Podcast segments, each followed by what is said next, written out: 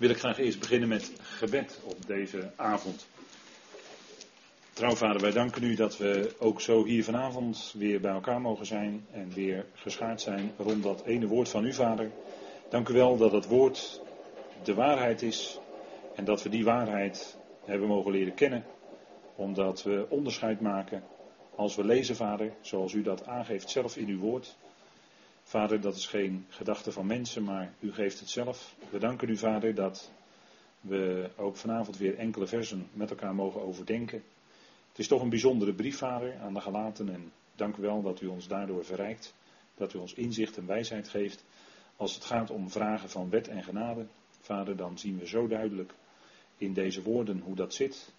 En de apostel wist het uit eigen leven, Vader, wat het betekent om een wettisch leven te leiden en wat het betekent om in die volle genade, die vrijheid van u te staan. Dank u wel, Vader, dat u zo iemand als Paulus gebruikt in uw dienst. En dank u wel dat u ook ons inzet in dat machtige plan. Dat wij ons lichaam mogen stellen tot een levend, heilig en u welgevallig offer. Dank u wel dat u ons roept en trekt, ook vanavond weer met uw liefde. Dank u wel dat we mogen bidden om wijsheid. Geeft u dat in het spreken en in het luisteren. Vader mag alles zijn tot eer en verheerlijking van uw naam. We u daarvoor in de naam van uw Zoon, Christus Jezus, onze Heer. Amen. Goed, wij eh, lezen met elkaar uit de gelatenbrief en ik doe dat voor u in de Nederlandse concordante vertaling, die we inmiddels in boekvorm hebben, dat is heel fijn. En wij hebben die ook op de website ebenezer.nl. Ook daar kunt u de concordante vertalingen raadplegen van deze zes brieven en daarnaast de schriftwoordvertaling. En ook dat is een wat nauwkeuriger vertaling dan andere vertalingen. Dus u kunt daarin best de weg vinden. u, uh, op de website ebenezer.nl. Dus daar kunt u hem allemaal digitaal ook bekijken. Goed. Uh, sorry, is dat dezelfde als, uh, vertaling als deze? Ik had daar inderdaad gelezen vandaag.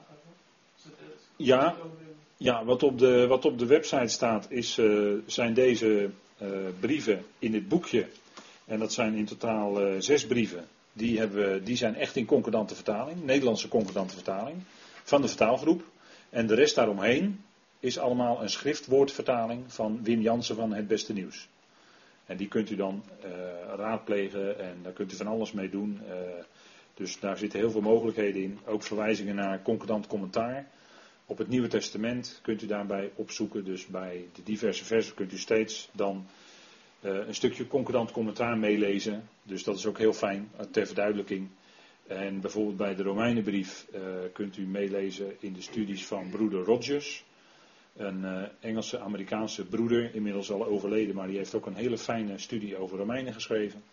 Dus daar kunt u ook op meelezen. Die hebben wij ook gebruikt bij onze studie van de Romeinen. Dus aanbevolen. U kunt, dat, uh, u kunt daar een hartelust in studeren en lezen en dan worden dingen toch wat meer duidelijk weer. Maar goed, wij uh, gaan uh, lezen in Galaten 4 en dat doen wij vanaf vers 12, want daar waren wij gebleven. Of vanaf vers 10, dat hebben we de vorige keer ook nog besproken, dan komen we heel even in dat betoog. En dan zegt Paulus tegen die Galaten, jullie houden nauwgezet dagen en maanden en era's en jaren. Ik vrees voor jullie dat ik mij wellicht te vergeefs voor jullie heb ingespannen. Word zoals ik, omdat ook ik ben zoals jullie broeders. Ik smeek het jullie. In niets deden jullie mij onrecht aan. Jullie weten echter dat ik vanwege een zwakheid van het vlees jullie het evangelie verkondigde. Het eerdere.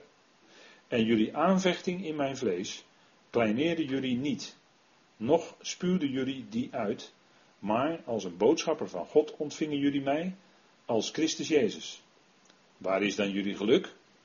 Want ik getuig van jullie dat jullie indien mogelijk je ogen uitgetrokken en mij gegeven hadden. Is het zo dat ik jullie vijand geworden ben, door waar tegen jullie te zijn? Zij uiveren niet uitstekend om jullie, maar zij willen jullie buitensluiten opdat jullie om hen ijveren. Uitstekend is het echter dat jullie altijd in het uitstekende ijveren, en niet alleen als ik aanwezig ben bij jullie. Mijn kleine kinderen, om wie ik weer weeën heb, totdat Christus gevormd is in jullie. Ik wilde echter nu aanwezig zijn bij jullie en mijn toon veranderen, want ik ben ontsteld over jullie. Tot zover. En we gaan vanavond daar naar kijken, naar deze versen. En we waren gebleven bij vers 12. Vers 12 van de tekst. We hebben de vorige keer gezien dat hele stukje over de grondbeginselen van de wereld, hè, de grondregels van de wereld. En die grondbeginselen, dat heeft alles te maken met religieus bezig zijn. Je houden aan allerlei re uh, regels en wetten en verordeningen en uh, noem maar op. Um, die gelaten waren in feite ook weer teruggekeerd tot de zwakke en arme grondbeginselen. Want het verbazingwekkende is dat Paulus de Torah van Mozes op één lijn stelt met de voorschriften en gebruiken en religies van andere godsdiensten. Hij stelt in feite alles op één lijn. Dat zijn allemaal grondbeginselen van deze wereld. Allemaal religieuze verordeningen. Die worden allemaal op het vlees gelegd. En het vlees blijkt ten ene male niet in staat om voor God welgevallig te kunnen zijn door zich te houden aan allerlei regels. Dat gaat niet lukken in de praktijk. En Paulus wist dat als geen ander. Lees maar in Romeinen 7. Daar gaan we nu niet dieper op in, maar hij kende die wetmatigheden van als hij het goede wilde doen, dan lag het kwade hem bij, enzovoort. Als je het uitstekende wilde, dan, nou ja, dan lukte dat niet. Hij schoot eraan tekort. Hij wilde wel misschien met zijn gedachten, vanuit zijn verstand, had hij ook een lust in de wet van God, in, in het woord van God. Maar in de praktijk het ten uitvoer brengen, ja, dat ging niet. En daar schrijft hij uitgebreid over in Romeinen 7. En in Romeinen 7 staat ook het antwoord. Hè? Het antwoord is genade. Genade doet het. En daarvoor dankte hij Christus Jezus, zijn Heer. Hè? Genade, garis. En dat welde, dat deed bij hem in zijn hart ook garis opkomen. Hè? Want het werkwoord voor danken is in het Grieks ook met, daar zit ook het woord garis in. Dus genade leidt automatisch tot dankbaarheid in je hart. En daarom zegt Paulus ook tegen deze Galaten, hij zegt, word zoals ik, vrij, hè, ik heb dat even vertaald met vrij in de genade. En hij zegt, omdat ook ik ben zoals jullie broeders. Dat is een wat vreemde zin misschien. Maar hij zegt, word zoals ik. Paulus bleef in die vrijheid staan. En dat staan is wel degelijk een wandel hoor, een levenswandel. Maar hij bleef in die vrijheid staan van Gods genade. En als die Galaten, die waren in het begin, waren ze Paulus nagevolgd. In het begin ging die boodschap bij hen direct vrucht dragen. Het bracht bij hen vreugde. En het bracht bij hen blijdschap en verlossing en bevrijding. Ze werden bevrijd uit de banden van de zonde. En dat is een bevrijding. En daar waren ze dankbaar voor. En daarin waren ze Paulus ook in zijn wandel nagevolgd. En hij zegt, ja, ik ben net zoals jullie, ik ben ook een gelovige. Ik ben ook gered in genade. Maar hij stelt zich wel toch hier weer als voorbeeld. Hè? Word zoals ik. Blijf wandelen in die vrijheid van de genade. Ga niet terug onder de wet. Of, eh, nee, dat gold dan vooral voor de Joden onder hen. En voor de, uh, ja, voor de mensen die uit het heidendom kwamen. Ja, die hadden goden gediend. Maar die waren dus ook religieus. Die hadden zich ook aan allerlei wetten, geboden en voorschriften gehouden. Net als de Joden in het Jodendom. Maar als je daarvan bevrijd bent, ja, dan ga je niet vervolgens weer onder die grondregels leven. En daarom zegt Paulus, word zoals ik. Ze waren teruggegleden onder de wet. Dat was in dit geval dan de wet van Mozes, weliswaar. Het woord van God inderdaad, jawel. Maar ze waren daarmee teruggegaan van een staan in de genade naar een leven onder de wet. En dat was niet de bedoeling. Want ook voor onze levenswandel geldt dat wij blijven in die genade van God. Het kan nooit zo zijn dat het is genade plus werken der wet. Nee, het blijft genade. En dat is, dat is helemaal niet een ontslaan van uh, dat onze wandel God welgevallig is. En dat je er dus maar op los kan leven. Dat is het niet. Nee, het is wat Paulus zegt in de Romeinenbrief. Dat wij als gevolg van het evangelie. Dat werkt in ons uit. Dat wij ons lichaam stellen tot een levend, heilig en God welgevallig offer. Dat is de uitwerking van het evangelie. Dat is Gods werk in ons. En dat zei de Heer Jezus al toen hij onder de Joden liep, te midden hè, op deze aarde. Hij zei, dit is het werk van God, dat jullie geloven in Hem die door God gezonden is. Dat zegt hij.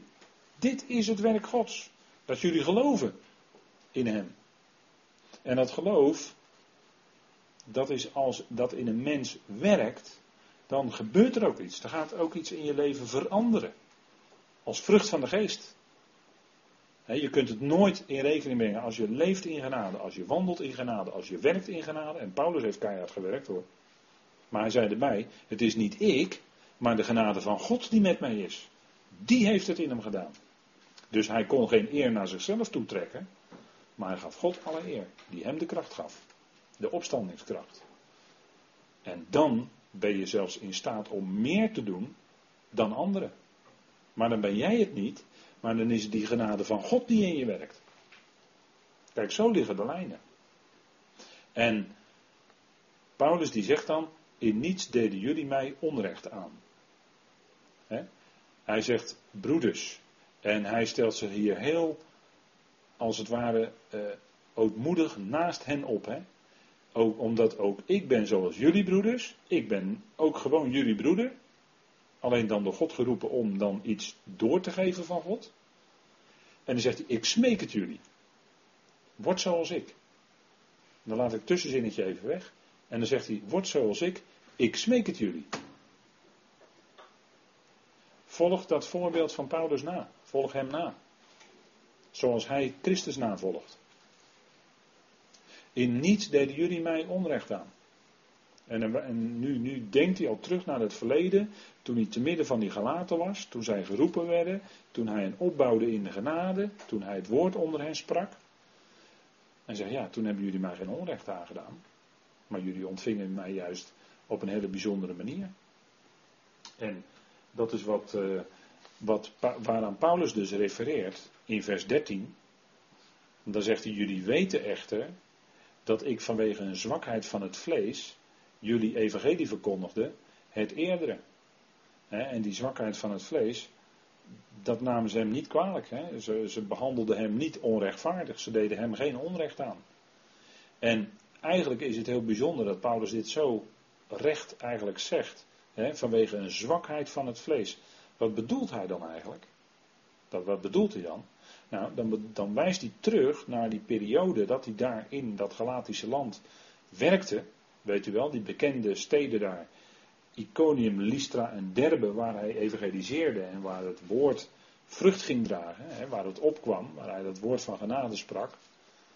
Nou, in Handelingen 13 ontmoette hij vervolging. In 14 moest hij vluchten. En in, vers, en in 14 werd hij ook nog eens een keertje gestenigd. Nou, we zullen het heel even met elkaar in vogelvlucht lezen. Kijk, in Handelingen 13 was hij in Antiochië in Pisidië. En daar sprak hij het woord. En dan, dit is even in het kader van de gelatenbrief. Hè.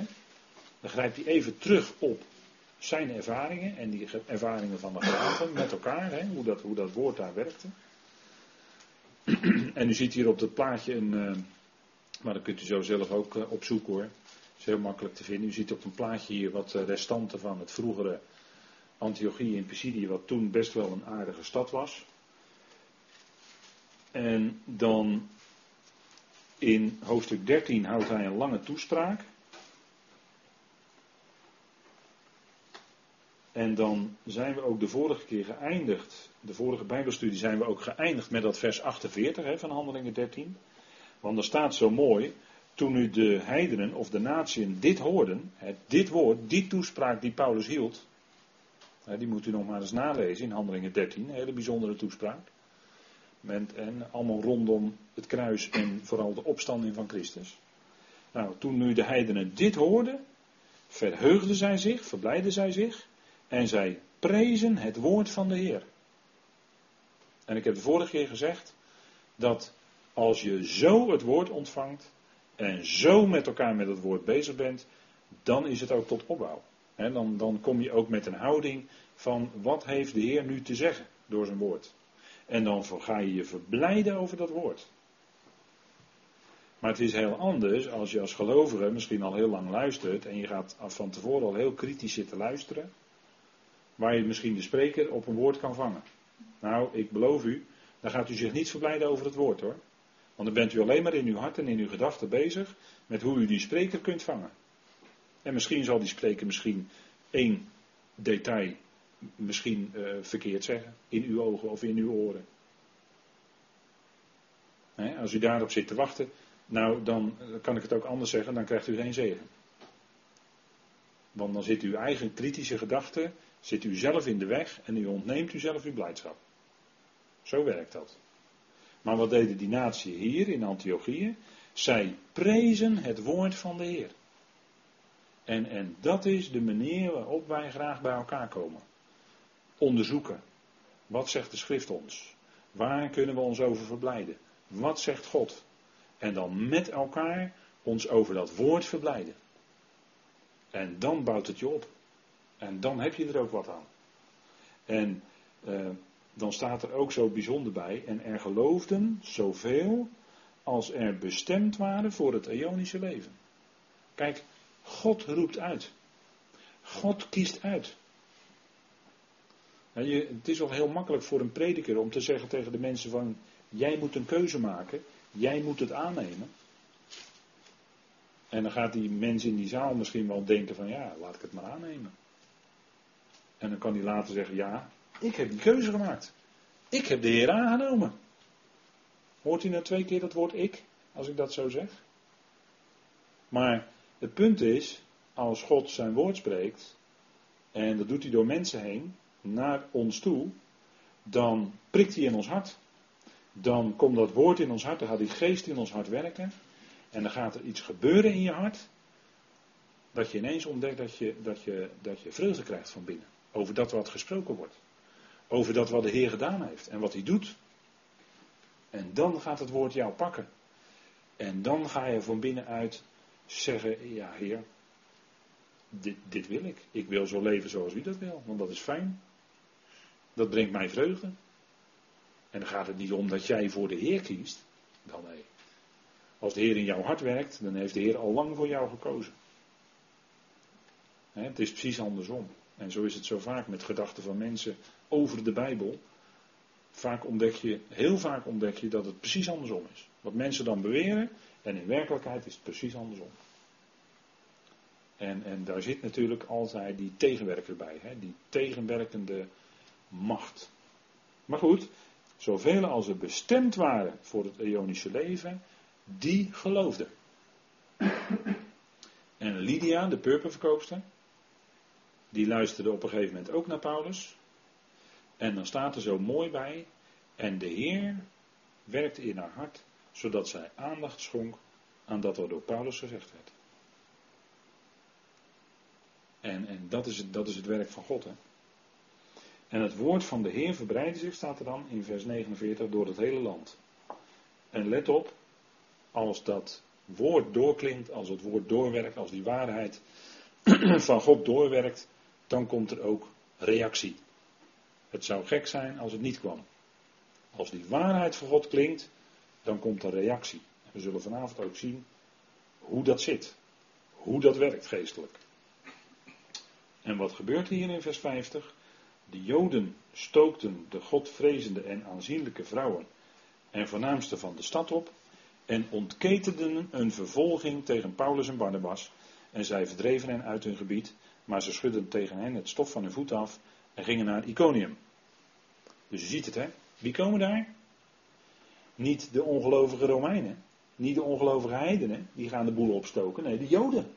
Juist die religieuze. Die vrome Joden. Die stookten de boel op tegen Paulus. En daar komt altijd de grootste tegenstand vandaan. En zo is het ook in, in, in, overal waar het woord van Paulus gepredikt wordt, waar, waar ook dan ter wereld. Maar als het woord van Paulus gaat doorklinken, dan komt er tegenstand en het komt uit de religieuze of godsdienstige hoek. Altijd. Daar zit de grootste verzetshaarde. En dat, dat heeft alles te maken met, ja, inderdaad, de tegenwerken. En die werkt ook door mensen weer. Met vurig pijlen enzovoort. En dat gaat door mensen heen. En daar zit een belangrijke factor in. Hè?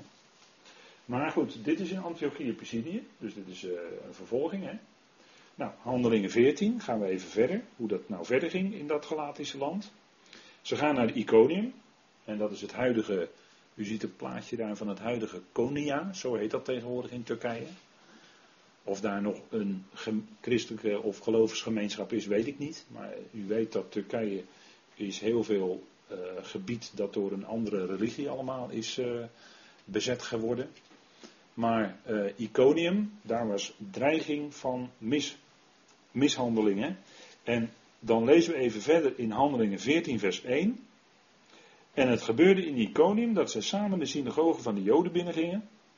En zo spraken dat een grote menigte, zowel van Joden als van Grieken, geloofde. Dus vruchtbaar werk voor Paulus en Barnabas.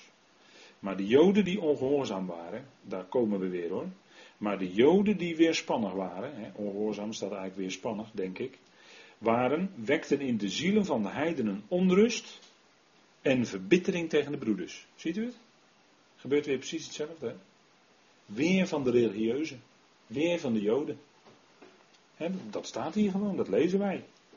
En zij verbleven daar dan lange tijd en spraken vrijmoedig, spraken vrijmoedig in de Heer, die getuigenis gaf aan het woord van zijn genade en tekenen en wonderen door hun hand liet gebeuren.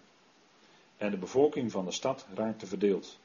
Sommigen waren voor de Joden, anderen voor de apostelen. Dan ziet u het, hè? De verdeeldheid wordt gezaaid. De tegenwerker die stuurt weer die religieuze Joden aan. Die fanatieke godsdienstige Joden. En zij maken verbittering tegen de broeders. Verbittering tegen Paulus en Barnabas. En, en dan zegt u, ja, dat gebeurde toen. Maar vergist u zich niet. Dat gebeurt vandaag aan de dag net zo. En dat gebeurde, wat leven we nu? 2014. Nou, als ik spreek over eh, 80, 90 jaar geleden, dan was die tegenstand en die verbittering was ook net zo, bijvoorbeeld in Amerika, tegen het werk van de concurrente broeders. Daar was net zo'n weerstand, net zo'n verbittering, en dat kwam daar ook juist van de godsdienstige kant. En ik kan u zo met naam en toenaam organisaties en namen gaan noemen allemaal. Dat is allemaal vastgelegd. Maar het is precies hetzelfde. Weerstand tegen de waarheid. Weerstand tegen het evangelie zoals Paulus dat mocht verkondigen. En dan staat er in vers 5, en toen er een oploop ontstond, zowel van heidenen als van joden, met hun leiders, om hen smadelijk te behandelen en te stenigen, vluchtten zij. Toen dit tot hen doorgedrongen was naar de steden van Lycaonië, Lystre en Derbe en de omgeving daarvan. Dus ze werden weer op de vlucht gejaagd. En dat is, dat zwakheid.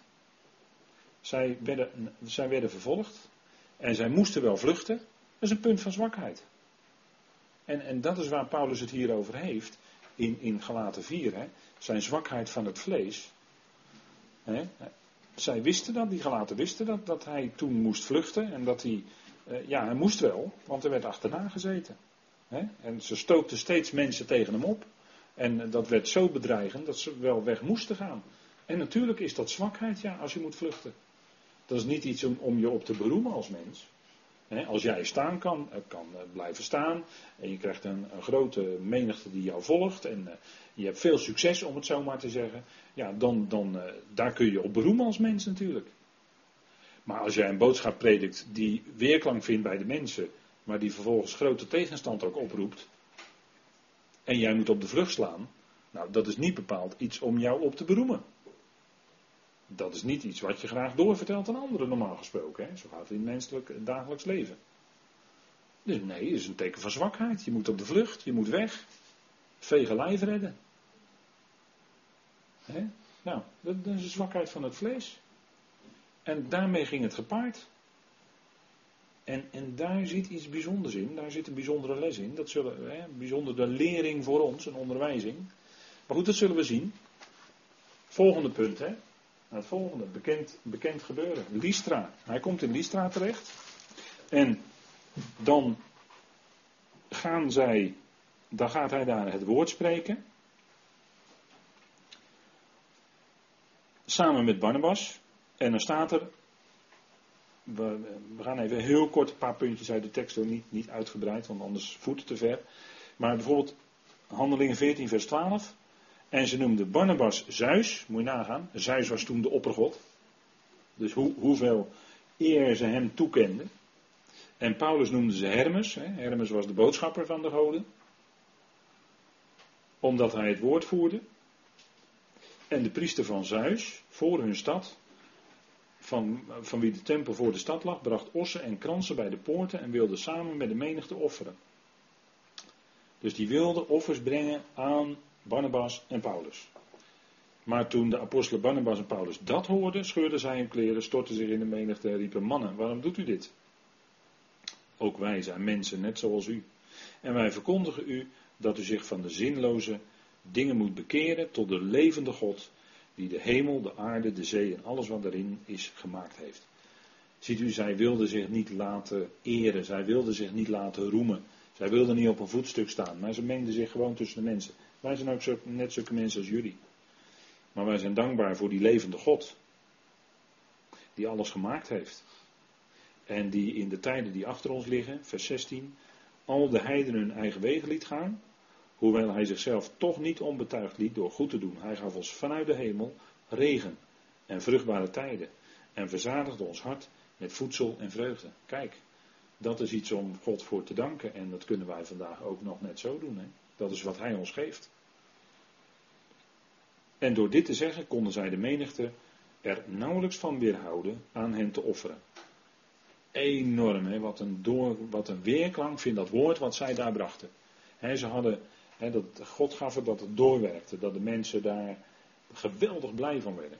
En zij ontdekten, ja kijk, die God die ons die vruchtbaarheid geeft, die ons voedsel geeft, die God, ja, dat, dat is geweldig. Dat hij ons dat allemaal geeft. Ze, waren, ze werden dankbaar. Ze leerden iets van God kennen. Klonk door. En wat gebeurt er dan? Als de menigte hen zelfs willen offeren, als ze zoveel, naar de mens gesproken, eh, weerklank vinden, van, vanuit de levende God, dan krijg je dus direct weerstand. Dat is altijd. Als het woord doorwerkt, waar dan ook, en de waarheid klinkt, dan komt de tegenstand. Onherroepelijk. Dat is altijd, in de geestelijke wereld werkt dat zo. Want die vijandelijke geestelijke machten, die willen niet dat de waarheid klinkt. Die willen dat tegengaan, die willen dat tegenwerken, die willen dat, onder, eh, die willen dat weer onder het vloerkleed hebben. En als mensen bezig gaan met religie, als ze bezig gaan met allerlei wetten en voorschriften in acht nemen, prima. Dan heb je geen last van geestelijke macht hoor. Want die bevorderen dan wel, laat ik maar zeggen, die vroomheid. Dan heb je er geen last van.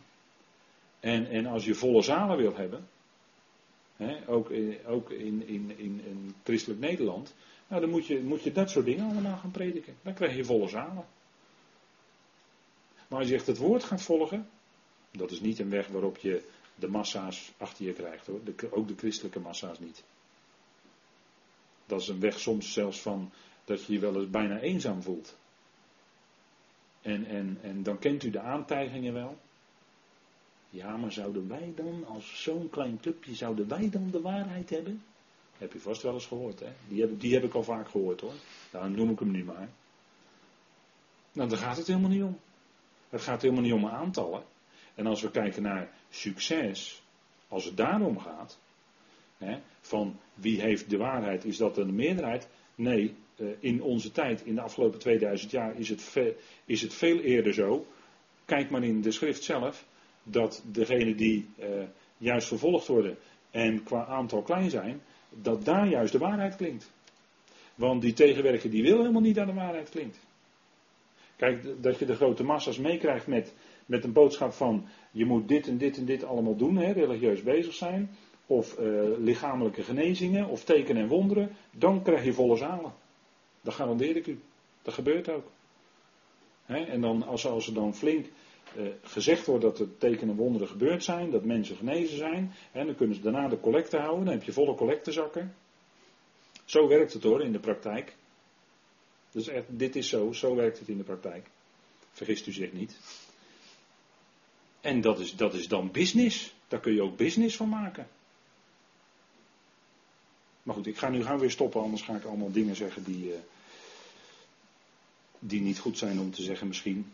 Want dan, uh, maar goed, het is allemaal, allemaal ook al aangetoond hoor, u kunt dat allemaal zelf ook onderzoeken. Maar er kwamen Joden, dus vers 19 hè. Maar er kwamen Joden uit Antiochia en Nicodium. Ziet u de derde keer hè. De tegenstand komt uit de fanatiek religieuze hoek. De Joden, de vrome Joden. Nee, dat, lezen we, dat staat hier gewoon in de schrift, hè? Dat is, niet mijn dat is niet mijn conclusie of zo, maar we lezen dat gewoon drie keer achter elkaar. Het staat er gewoon. Maar er kwamen Joden uit Antiochië en Iconium die de menigte overtuigden en zij stenigden Paulus en sleepten hem de stad uit omdat ze dachten dat hij dood was. Steniging. Ziet u het? Steniging. Tegen iemand die het woord van God spreekt. Die werd gestenigd. Die de waarheid bracht. En tegenwoordig mag je ook niet zeggen dat het de waarheid is. Dat mag niet. Maar het is wel zo. Het is wel de waarheid hoor. maar dat is Paulus zwakte. Hij werd gestenigd. Nou, een apostel die vervolgd wordt, overal moet vluchten, gestenigd wordt, is dat geen zwakheid naar de mens? Natuurlijk. Dat is zo zwak als het maar kan. Maar hij had een geheim, hij had een kracht. Hij kende een geweldige kracht. De kracht van het woord, de kracht van Gods genade, de kracht van Christus Jezus, de opstandingskracht. Dat geheim kende Paulus wel hoor. En daar strekt hij zich dan ook naar uit, hè, om hem te kennen. En al dat andere, schade en drek. Vuilnis, hè? schade, dus hij achtte dat in het licht van de kennis van Christus Jezus zijn Heer, zijn hele opvoeding in het Jodendom, zijn fariseïsme, alles, alles, alles acht hij schade. Dat is een boekhoudkundige term. Dat wil zeggen, het is helemaal niet meer belangrijk als je het afzet tegen dat andere. En drek, nou, daar, dat, hè, dat, is, dat, ja, dat uh, ruikt allemaal niet zo goed, geloof ik, hè? Dat, zo achtte hij dat. En dat is, dat is, wat, dat is wat hij dan ook als verwerkt achter zich liet. He? Dat zegt hij allemaal gewoon zo in Filippenzen hoor, die woorden. Die gebruikt hij allemaal in Filippenzen 3. Maar zwakheid, naar het vlees, zwakheid. Kijk, en die, die, uh, die Corinthiërs, die bekritiseerden hem ook, hè. Want uh, Paulus, die, dat was eigenlijk helemaal niet zo'n goede spreker, vonden zij er waren in die tijd in die Griekse wereld waren geweldige, geweldige sprekers. Die, die hadden een geweldige retorische gaven. Die, konden, die waren enorm welsprekend. Dat was in die tijd, stonden de Grieken daar beroemd om. Waar, die waren daar beroemd eh, mee. Maar Paulus? Nee, ze vonden dat Paulus niet zo'n beste spreker was. die, die, uh, ja, die zei het misschien te recht uit, ik weet het niet. Of uh, hij sprak te lang. Ongetwijfeld zal dat, natuurlijk zal dat gezegd worden. Hij sprak te lang, natuurlijk. Dat is altijd, hè. het is altijd zo dat het een mag wel lang, maar als het om het woord gaat, dan heb ik in mijn hele leven al gehoord, dat moet altijd korter. moet altijd minder gesproken worden, minder lang. Het woord moet altijd korter. daar, daar wordt altijd op beknibbeld. Op het andere niet. Als het andere wat langer duurt, vinden mensen allemaal niet erg. Maar het woord, nou u snapt wel hoe dat dan werkt hè. Want dan komt, als dan de waarheid op tafel komt, ja dan kan het best zijn dat er van binnen bij je iets gaat wroeten. En dat je aangesproken wordt, dat kan. Nee, want het is de waarheid. Nou, ja, ja, dat men dan wat minder woord wil, ja, dat is dan logisch. Dat begrijp ik wel. maar zo waren ook die Corinthiërs, die zeiden ja, Paulus dat is niet zo'n beste spreker en die andere apostelen kunnen veel beter spreken. Petrus kon het natuurlijk veel beter en Johannes kon het natuurlijk beter. En Er waren uit hun eigen midden ongetwijfeld ook betere sprekers. Nee, Paulus niet hoor. Nee. En ze beseften eigenlijk niet, die kritische Corinthiërs, wie Paulus in werkelijkheid was. Dat hadden ze eigenlijk niet helemaal goed door. En wat voor boodschap hij bracht. Want hij kon onder hen niet kwijt de geheimenissen van God. De wijsheid van God. De verborgen wijsheid van God. Wat te maken heeft met volwassen worden in het geloof. Want zonder die verborgen wijsheid van God die Paulus bracht, kun je ook niet echt volwassen worden in geloof. Nou, die Corinthiërs waren ook niet volwassen in hun geloof. Want Paulus zegt gewoon tegen ze, jullie zijn nog vleeselijk. Jullie zijn nog onmondigen in Christus. Nou, wat is een onmondige? Dat is een kind. Die heeft nog niet de fase van mondigheid bereikt. Die is nog niet volwassen. Dus die Corinthiërs waren nog niet volwassen in hun geloof. Ze waren nog vleeselijk. Bij gelegenheid vochten ze elkaar de tent uit. ze hadden groepjes. De een luisterde liever naar Kefas, en de ander liever naar Christus, en de ander liever naar Apollos. Paulus liever niet. En uh, zo vormden ze groepjes onderling en stonden tegenover elkaar. Dat is geen teken van geestelijke volwassenheid hoor. Dat is teken van geestelijk kind zijn nog. Dan ben je nog onmondig, dan ben je vleeselijk bezig. Want dat gebeurt in de wereld ook. Kijk maar in de politiek. Vooral in Nederland, allemaal van die, allemaal van die politieke partijtjes. de een zegt van ik ben van de dieren, en de ander zegt ik ben van de vrijheid, en de ander zegt ik ben een socialist, en de ander zegt ik ben christelijk. allemaal van die. Het is, het is net politiek dan, in die gemeente in Korinthe. Nou, zij beseften eigenlijk niet wie hij was, wat hij deed, Paulus, voor God. En hij was weliswaar in het vlees was hij zwak. En Paulus zegt ook, ik zal veel liever zelfs roemen in mijn zwakheden. Dan heeft hij het over in 2 Korinthe 12. Hij zou zelfs liever roemen in zijn zwakheden.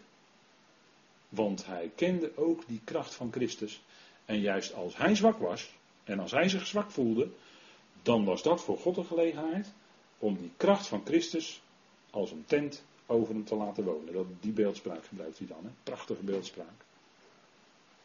Paulus zwak, de mens dus op de achtergrond, in zijn, de mens in eigen kracht op de achtergrond dus.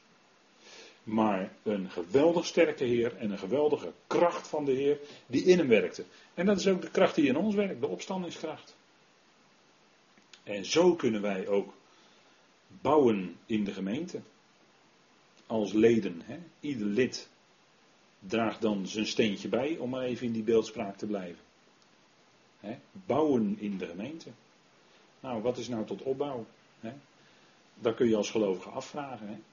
Paulus zegt, alle dingen zijn mij geoorloofd. En dat zei hij juist tegen de Corinthiërs. En Korinthe, dat was nogal een, eh, een stad die eh, bekend stond om eh, zijn losbandigheid. Want in die, in die tijd was er ook een gevleugeld gezegde van als mensen losbandig leefden, dan werd er gezegd, ja, jullie leven als een Corinthiër. Dus dat was niet zo'n best voorbeeld wat die Corinthiërs waren, hè, in het algemeen, in die, in die wereld van die tijd.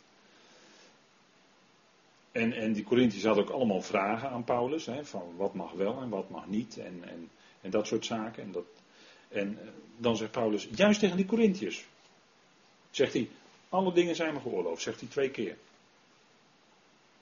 Alleen, hij maakt er nog een andere notitie bij, maar niet alles is nuttig. Dus, ja, kijk, mensen die uh, leggen soms die vrijheid van de genade helemaal verkeerd uit naar het vlees, alsof dat dan losbandigheid in de hand werkt. Maar het, het is juist precies de andere kant op genade.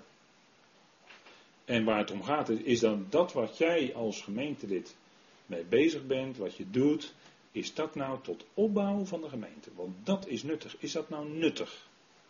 En wat nuttig is, is tot opbouw van het lichaam van Christus. Nou, een losbandige levenswandel, laat ik u dat verzekeren, is niet tot opbouw van het lichaam van Christus. Dat is niet echt tot opbouw. Want je geeft een totaal verkeerd voorbeeld aan de andere gelovigen. En daarom zegt Paulus, volg mijn voorbeeld na. Paulus die geheiligd was voor de dienst aan God. Niet dat hij zonderloos was, maar hij was geheiligd en hij stond in de dienst van God. En, en hoe meer je betrokken raakt in de dienst van God, hoe meer je geheiligd bent. Dus het is niet een kwestie van je moet zelf werken aan je eigen heiliging, want dan begin je net weer aan het verkeerde eind hoor. Maar God neemt je en dan neemt je zoals je bent en hij kan jou gebruiken, hij kan mij gebruiken in zijn dienst. En als hij ons inzet, dan zijn wij geheiligd. Simpel voorbeeld vind ik altijd de voorwerpen in de tabernakel, die waren heilig. De gouden kandelaar, het reukofferaltaar, de tafel van de toonbroden, het brandofferaltaar, de ark van het verbond, waren allemaal op zich gewoon metaal of instrumenten van hout gemaakt en met goud eroverheen. Gewoon dat soort voorwerpen, maar ze waren heilig, want ze werden gebruikt in de dienst aan God. Dat is het punt. Ze waren daar apart gezet voor de dienst aan God.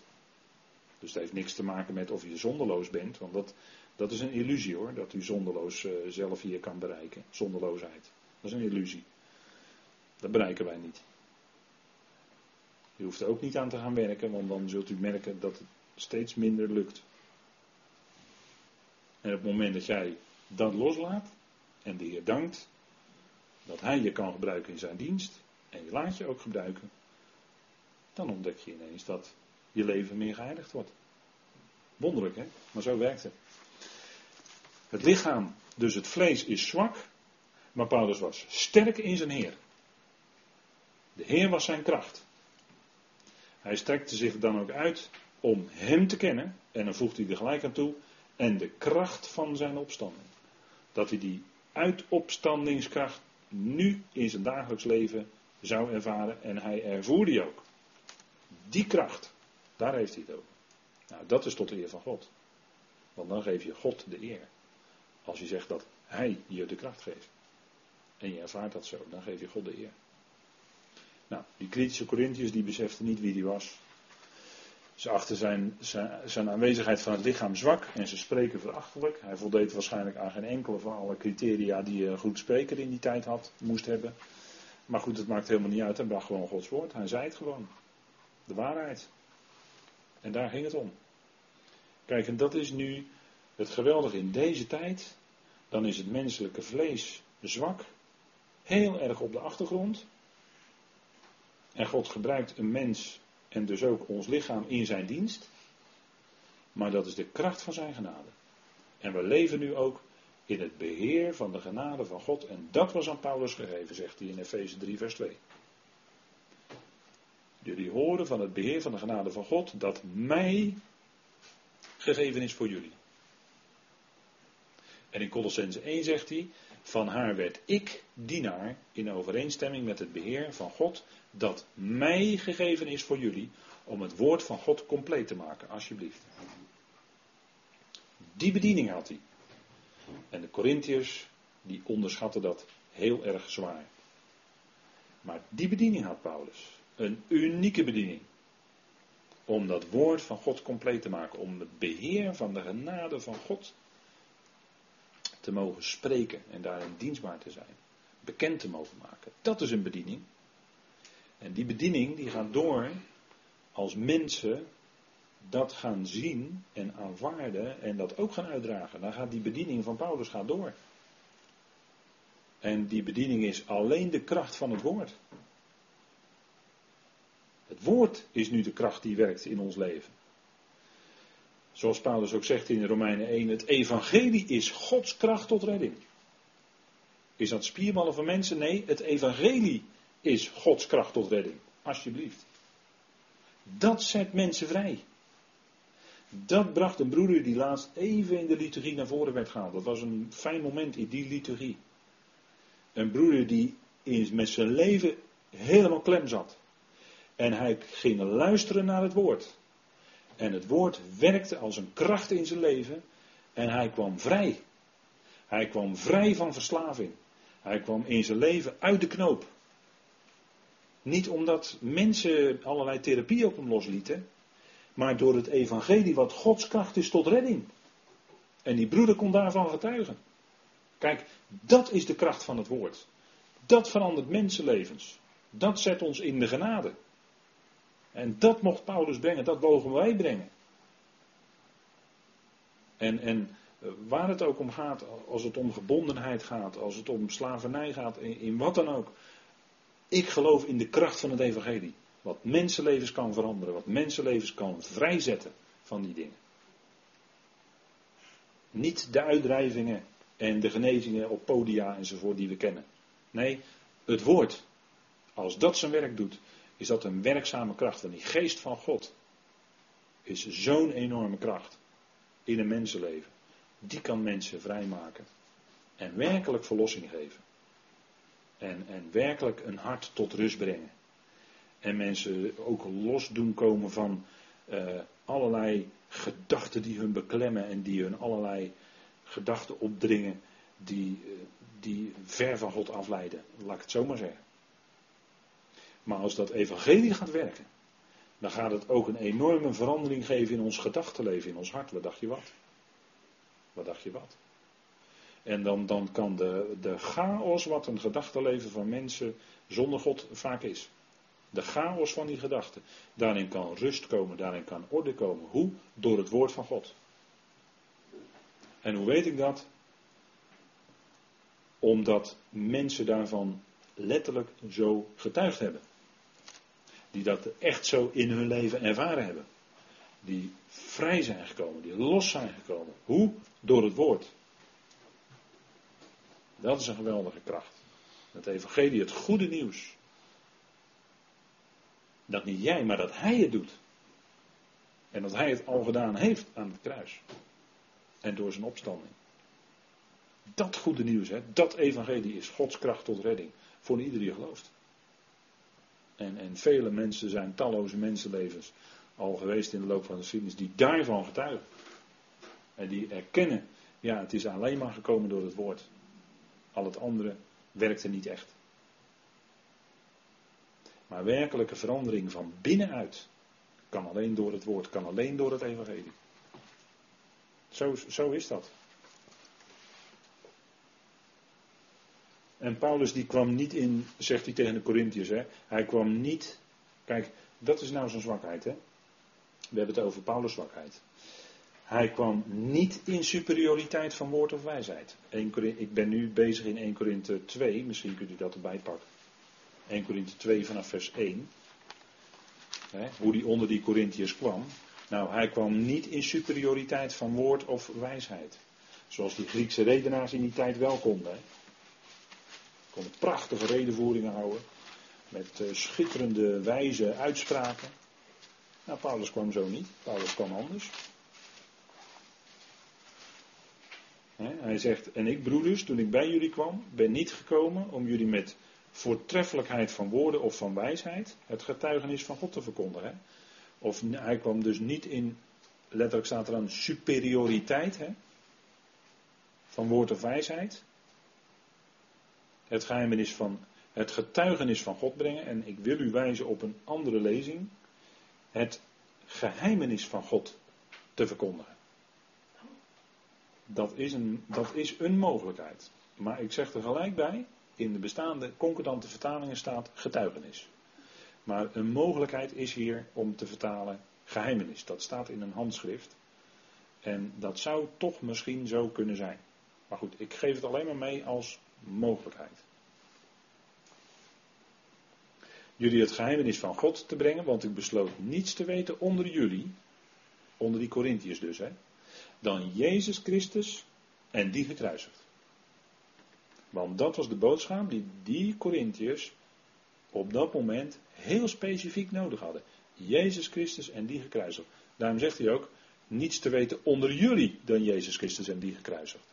En natuurlijk is er meer te zeggen. Maar dit is de kern natuurlijk. Hier draait het om.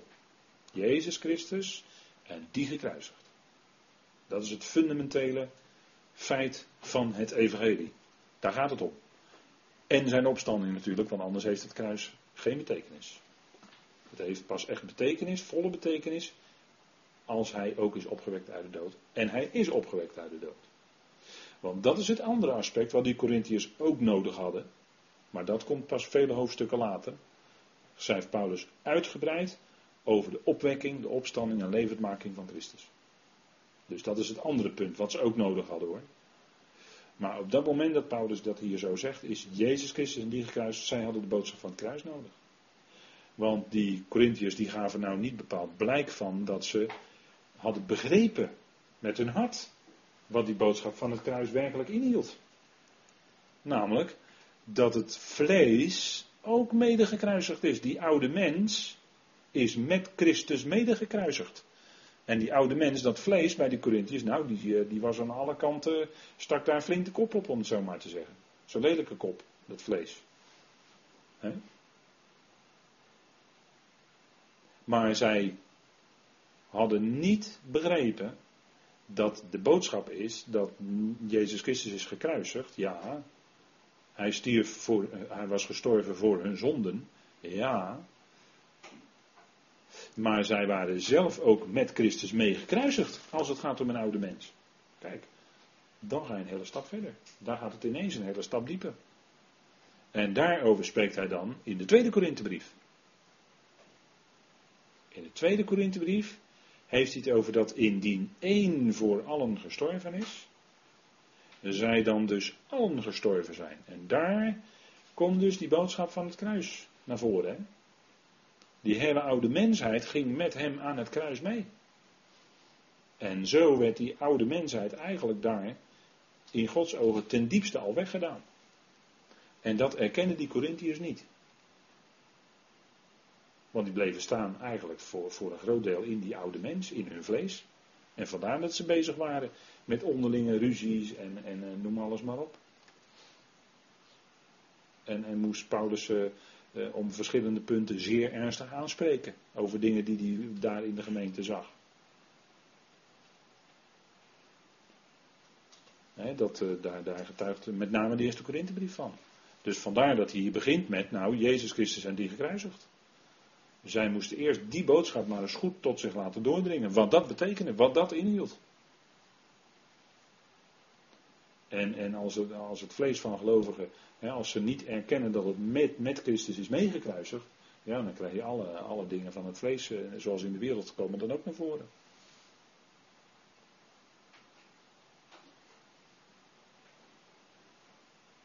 Nou, dat is wat hij tegen ze zegt. Hè? En hij zegt, nou, ik, ik zelf kwam niet met superioriteit van woorden, maar predikte wel hun een gekruisigde Christus. En hij kwam in zwakheid, zegt hij. Hè? Dat is uh, vers, vers 3. En ik was bij u in zwakheid, met vrees en veel beven. Hè, wat, denk je ervan als je verschrikkelijk geattaqueerd wordt en je moet dan uh, uh, daarna toch gewoon weer spreken tot diezelfde menigte, door wie je geattaqueerd bent. En je staat er toch weer voor en je moet toch weer spreken. Wat denkt u wat dat betekent? Nou, dan als mens heb je niet zoveel te vertellen hoor. Als mens zie je daar heel erg tegenop. en dat, dat, eh, ja, dat, dat is gewoon zo. En toch ging die door. Want de Heer gaf hem de kracht. Terwijl hij, weet dat, terwijl hij wist dat er misschien zelfs tijdens zijn spreken van, misschien van alles kon gebeuren. Zo hachelijk was het misschien soms wel eens bij Paulus. Nou, daar ga je, daar ga je niet hoor, als mens met. Uh, uh, daar ga je niet makkelijk hoor. Nou, in vrees, hè. En ook niet met overtuigende woorden van menselijke wijsheid. Hier, vers 4. En mijn spreken en mijn prediking bestonden niet in overtuigende woorden van menselijke wijsheid, maar in het betonen van geest en kracht. Kijk, Paulus kon wel zeer krachtig het woord spreken. Dat hij, dan, dat, hij dat stilistisch of retorisch gezien niet heel mooi deed, dat is een andere zaak. En daar kritiseerden ze hem op. Maar de inhoud, de inhoud van zijn woorden, en, de, en hoe hij het woord sprak, ja, dat was met kracht. En dat was met geest. En daar sprak de geest van God ook doorheen. Daar werkte Gods geest doorheen. Die kracht. Dat verlossende woord. Dus je ziet aan de ene kant zie je dus eigenlijk als mens een zwakke Paulus, bevreesd, zwak, als het vlees aangaat. Ook naar de, naar de mens gesproken geen beste spreken. Maar als hij sprak, dan kwam het woord met kracht eruit en kwam het naar hen toe. En, en dat was de kracht die God hem gaf, om, om toch te kunnen spreken. En daardoor, dat die woorden doorwerkten, dat God daardoor heen werkte, ja, daardoor kwamen mensen tot geloof, kwamen mensen tot verandering van leven, kwamen niet door Paulus, maar omdat hij als instrument werd gebruikt door God op die plek. want wij zijn op de keper beschouwd alleen maar instrumenten in zijn hand. En, en God kan ons gebruiken, nou, als zijn instrument inderdaad. En als hij dan een rake klap uitdeelt door ons, dan is hij die die klap uitdeelt hoor. En wij zijn alleen maar het instrumentje. Begrijpt u? Maar hij deelt dus uit. En hij geeft ook die kracht om die klap te geven. Nou, zo werkt dat, hè? In de praktijk.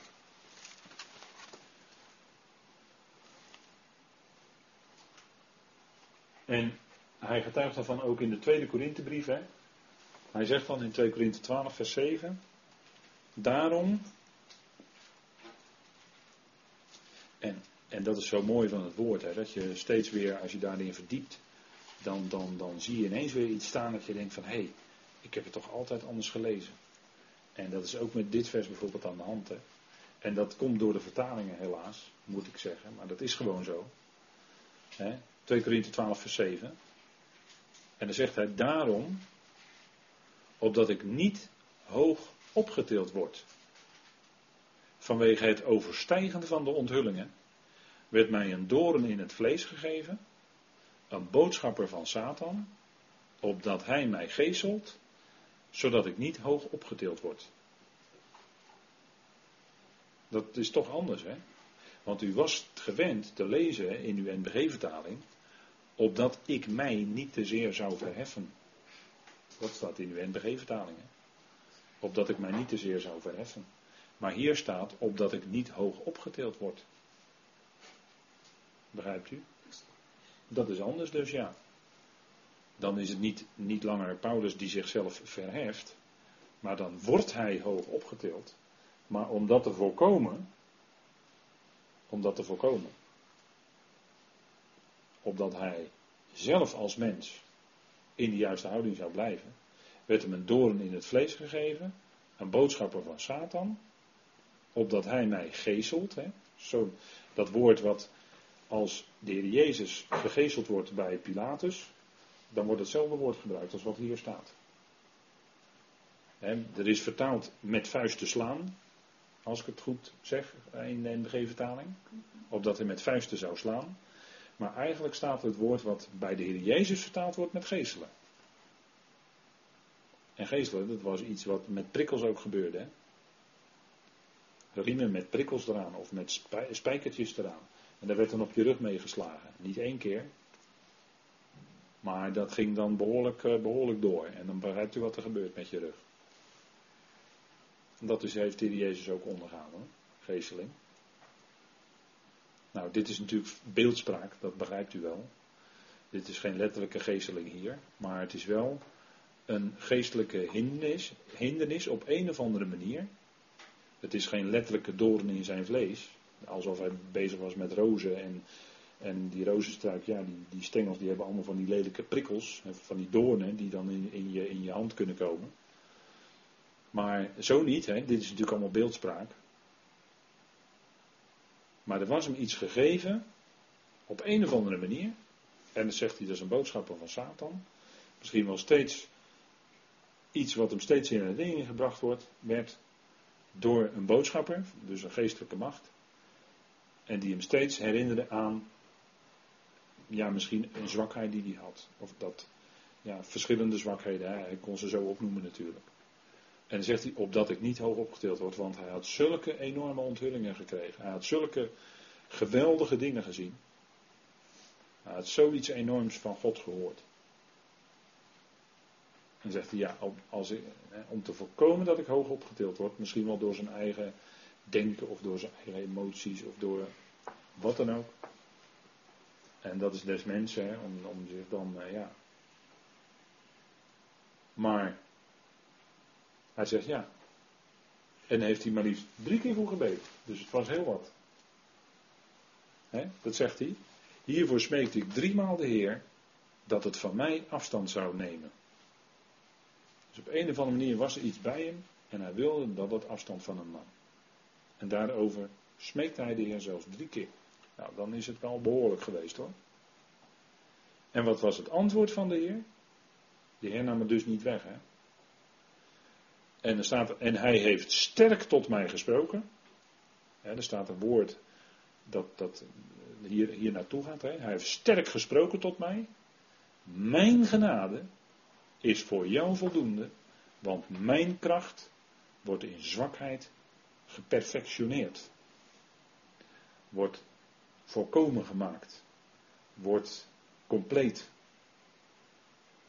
Mijn genade is voor jou genoeg, Paulus. En die zwakheid die jij kent, ja, God nam het niet weg. God zei tegen hem, mijn genade is jou genoeg. En dat was voldoende ook voor datgene waar hij zo'n last van had. En wat toch niet wegging. En wat God ook niet wegnam.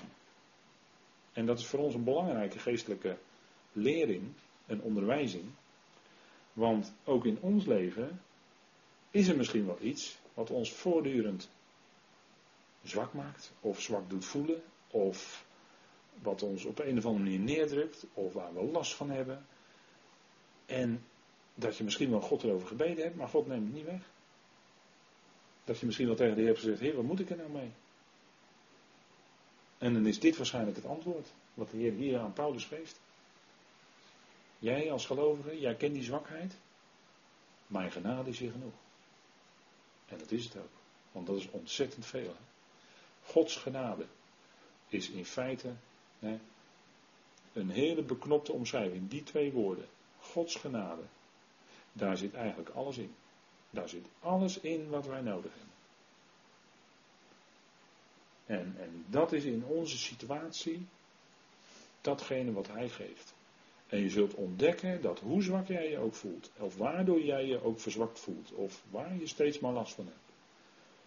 Je zult ontdekken gaandeweg dat God jou steeds net voldoende kracht geeft om eronder te kunnen blijven staan. hij geeft dan die uitstijging, zegt Paulus. Ook in de Korinthebrief trouwens. 1 Korinthe 10, vers 12 en 13. Hij geeft die uitstijging. Hij neemt die omstandigheden niet weg. Nee, er staat zelfs zoiets dat, dat hij zelfs die omstandigheden ten diepste gegeven heeft in jouw leven. Hij neemt die omstandigheid niet weg, nee. Maar in die omstandigheid geeft hij juist zijn genade. Waardoor jij eronder kan blijven staan. En als je terugkijkt en je bent eerlijk, dan zeg je: Ja, Heer, hoe is het mogelijk? Dat ik tot, tot nu tot dit punt gekomen ben. Hoe is het mogelijk? Ja, dan is het antwoord: Ja, dat is Gods genade. Dat je tot hiertoe gekomen bent. Dat is zijn genade. Dat heb je niet aan je eigen kracht te danken, maar dat is zijn kracht in jou. He, staat er ook bij, mijn kracht. Met de hoofdletter, mijn kracht. En daarom was Paulus zwak in zijn vlees. Dat was hier, hier, hiervoor. Dat zijn kracht, Gods kracht, in zijn leven geopenbaard wordt. En zijn genade bleek voldoende. Zodat Paulus Gods genade roemde en daarin dus alle eer gaf aan God. En dan ziet je het, hè, de mens op de achtergrond en God met zijn kracht op de voorgrond. Daar had het om. Paulus predikte dan ook niet zichzelf. Dat zegt hij in diezelfde Korinthebrief. Hè? Hij predikte niet zichzelf. En er zijn ook vandaag aan de dag zoveel predikers. Die het misschien zonder, waarschijnlijk zonder het door te hebben, dat hoop ik. Een beetje. Maar het is, ik vind het erg genoeg hoor. Maar er zijn zoveel predikers vandaag de dag. Die zichzelf prediken. Die zichzelf op de voorgrond stellen. Maar Paulus was anders. Paulus die zei, wij prediken niet onszelf. En dat was waar in Paulus' leven en zijn medewerkers. Dat was waar.